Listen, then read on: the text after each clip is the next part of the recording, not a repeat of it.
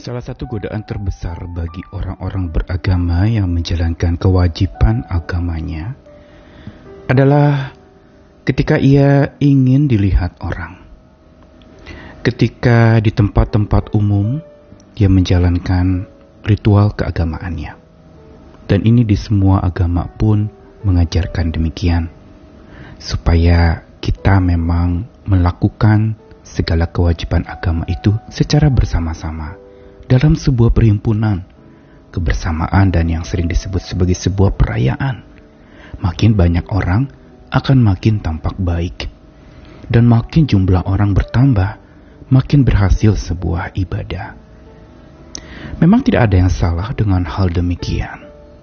Tetapi bicara soal motivasi atau isi hati seseorang di dalam beribadah, maka sesungguhnya dan yang paling penting adalah bukan ketika dia bersama-sama dengan banyak orang dalam sebuah perhimpunan di tempat-tempat ibadah. Tapi justru pada saat di mana dia sedang sendiri bersama dengan Tuhan. Ibadah pribadinya itu menjadi sesuatu yang begitu penting. Kekusukan dia untuk berdoa dan sembahyang kepada Tuhan itu adalah justru sesuatu yang memberi kekuatan untuk pribadi seseorang makin ditajamkan dan diubahkan dan makin bertumbuh, bertambah imannya lewat relasi yang karib dengan Tuhan yang dia sembah. Dan itu pula yang menjadi penting di dalam ibadah-ibadah kita, supaya kita bisa lebih tajam lagi melihat bahwa ibadah yang kita jalankan adalah bukan untuk dilihat orang, bukan untuk pamer kepada orang. Saya Nikolas Kurniawan menemani di dalam Sabda Tuhan lagi Hari ini dari Matius pasal 6 ayat yang pertama dan lalu dilanjutkan ayat 16 sampai 18. Ingatlah jangan kamu melakukan kewajiban agamamu di hadapan orang supaya dilihat mereka. Karena jika demikian kamu tidak beroleh upah dari Bapamu yang di surga. Lalu ayat 16 sampai 18 dan apabila kamu berpuasa, janganlah muram mukamu seperti orang munafik. Mereka mengubah air mukanya supaya orang melihat bahwa mereka sedang berpuasa. Aku berkata kepadamu, sesungguhnya mereka sudah mendapat upahnya. Tetapi apabila engkau berpuasa, minyakilah kepalamu dan cucilah mukamu, supaya jangan dilihat oleh orang bahwa engkau sedang berpuasa melainkan hanya oleh Bapamu yang ada di tempat tersembunyi. Maka Bapamu yang melihat yang tersembunyi akan membalasnya kepadamu.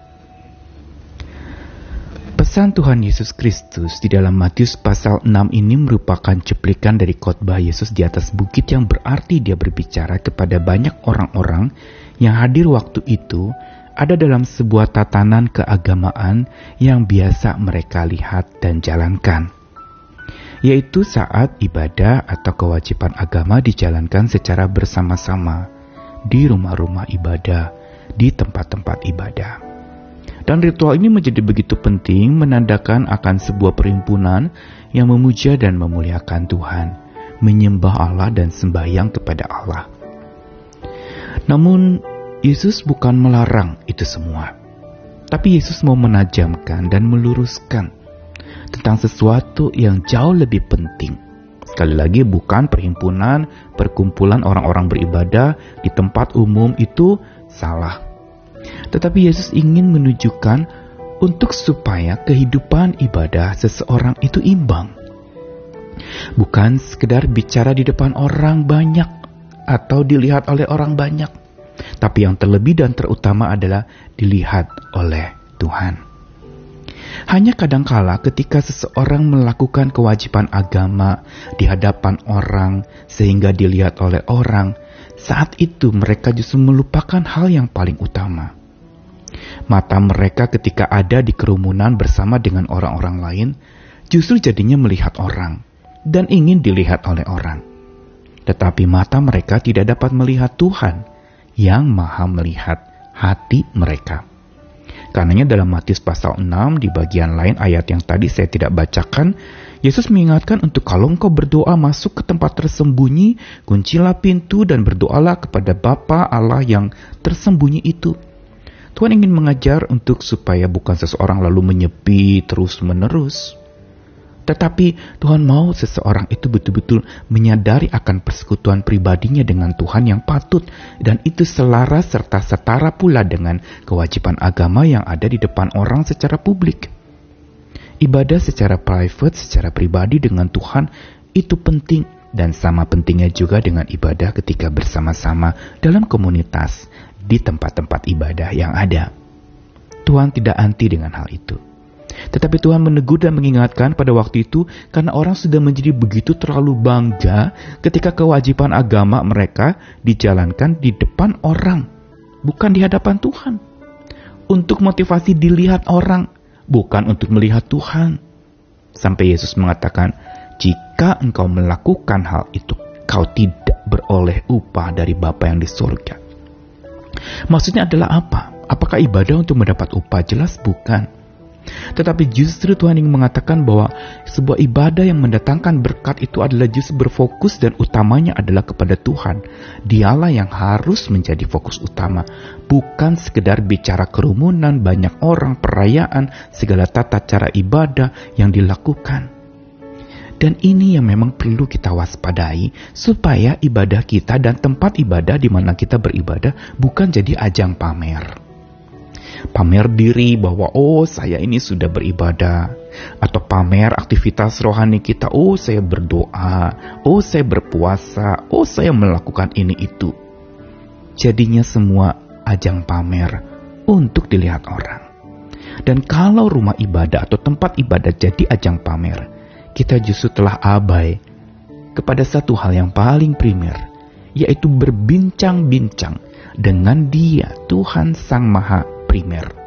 Dialah yang paling utama. Kalau tempat ibadah jadi ajang pamer, kita lupa berbincang dengan Sang Maha Primer dalam hidup kita, yaitu Tuhan kita sendiri. Mari kita tajamkan dan biar perlengkapi ibadahmu yang bukan sekedar ritual-ritual datang ke tempat-tempat ibadah, tapi secara spiritual engkau beribadah di kamarmu, di tempat pribadimu, dalam doamu yang paling dalam, paling jujur kepada Tuhan yang mungkin orang lain tidak bisa dengarkan, hanya Tuhan yang bisa dengarkan. Lakukan itu. Bukan pamer ibadah itu.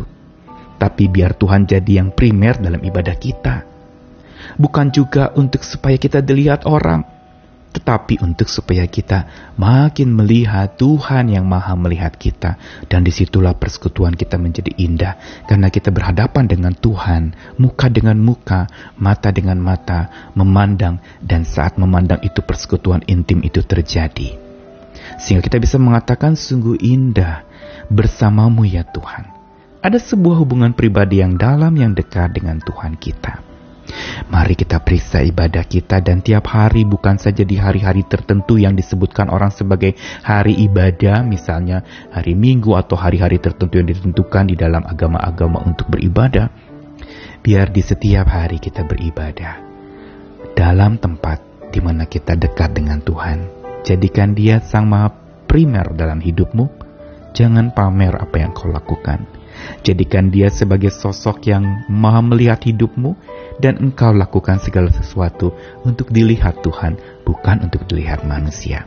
Tuhan mengasihi kita sekalian, ayo berjuang lagi dalam masa-masa prapaskah. Mungkin ada sebagian orang menjalankan ibadah-ibadah puasa hari-hari ini. Lakukanlah bukan pamer, tapi datang kepada Sang Maha Primer dan hidup dekat dengan Dia. Tuhan mengasihi kita sekalian. Amin.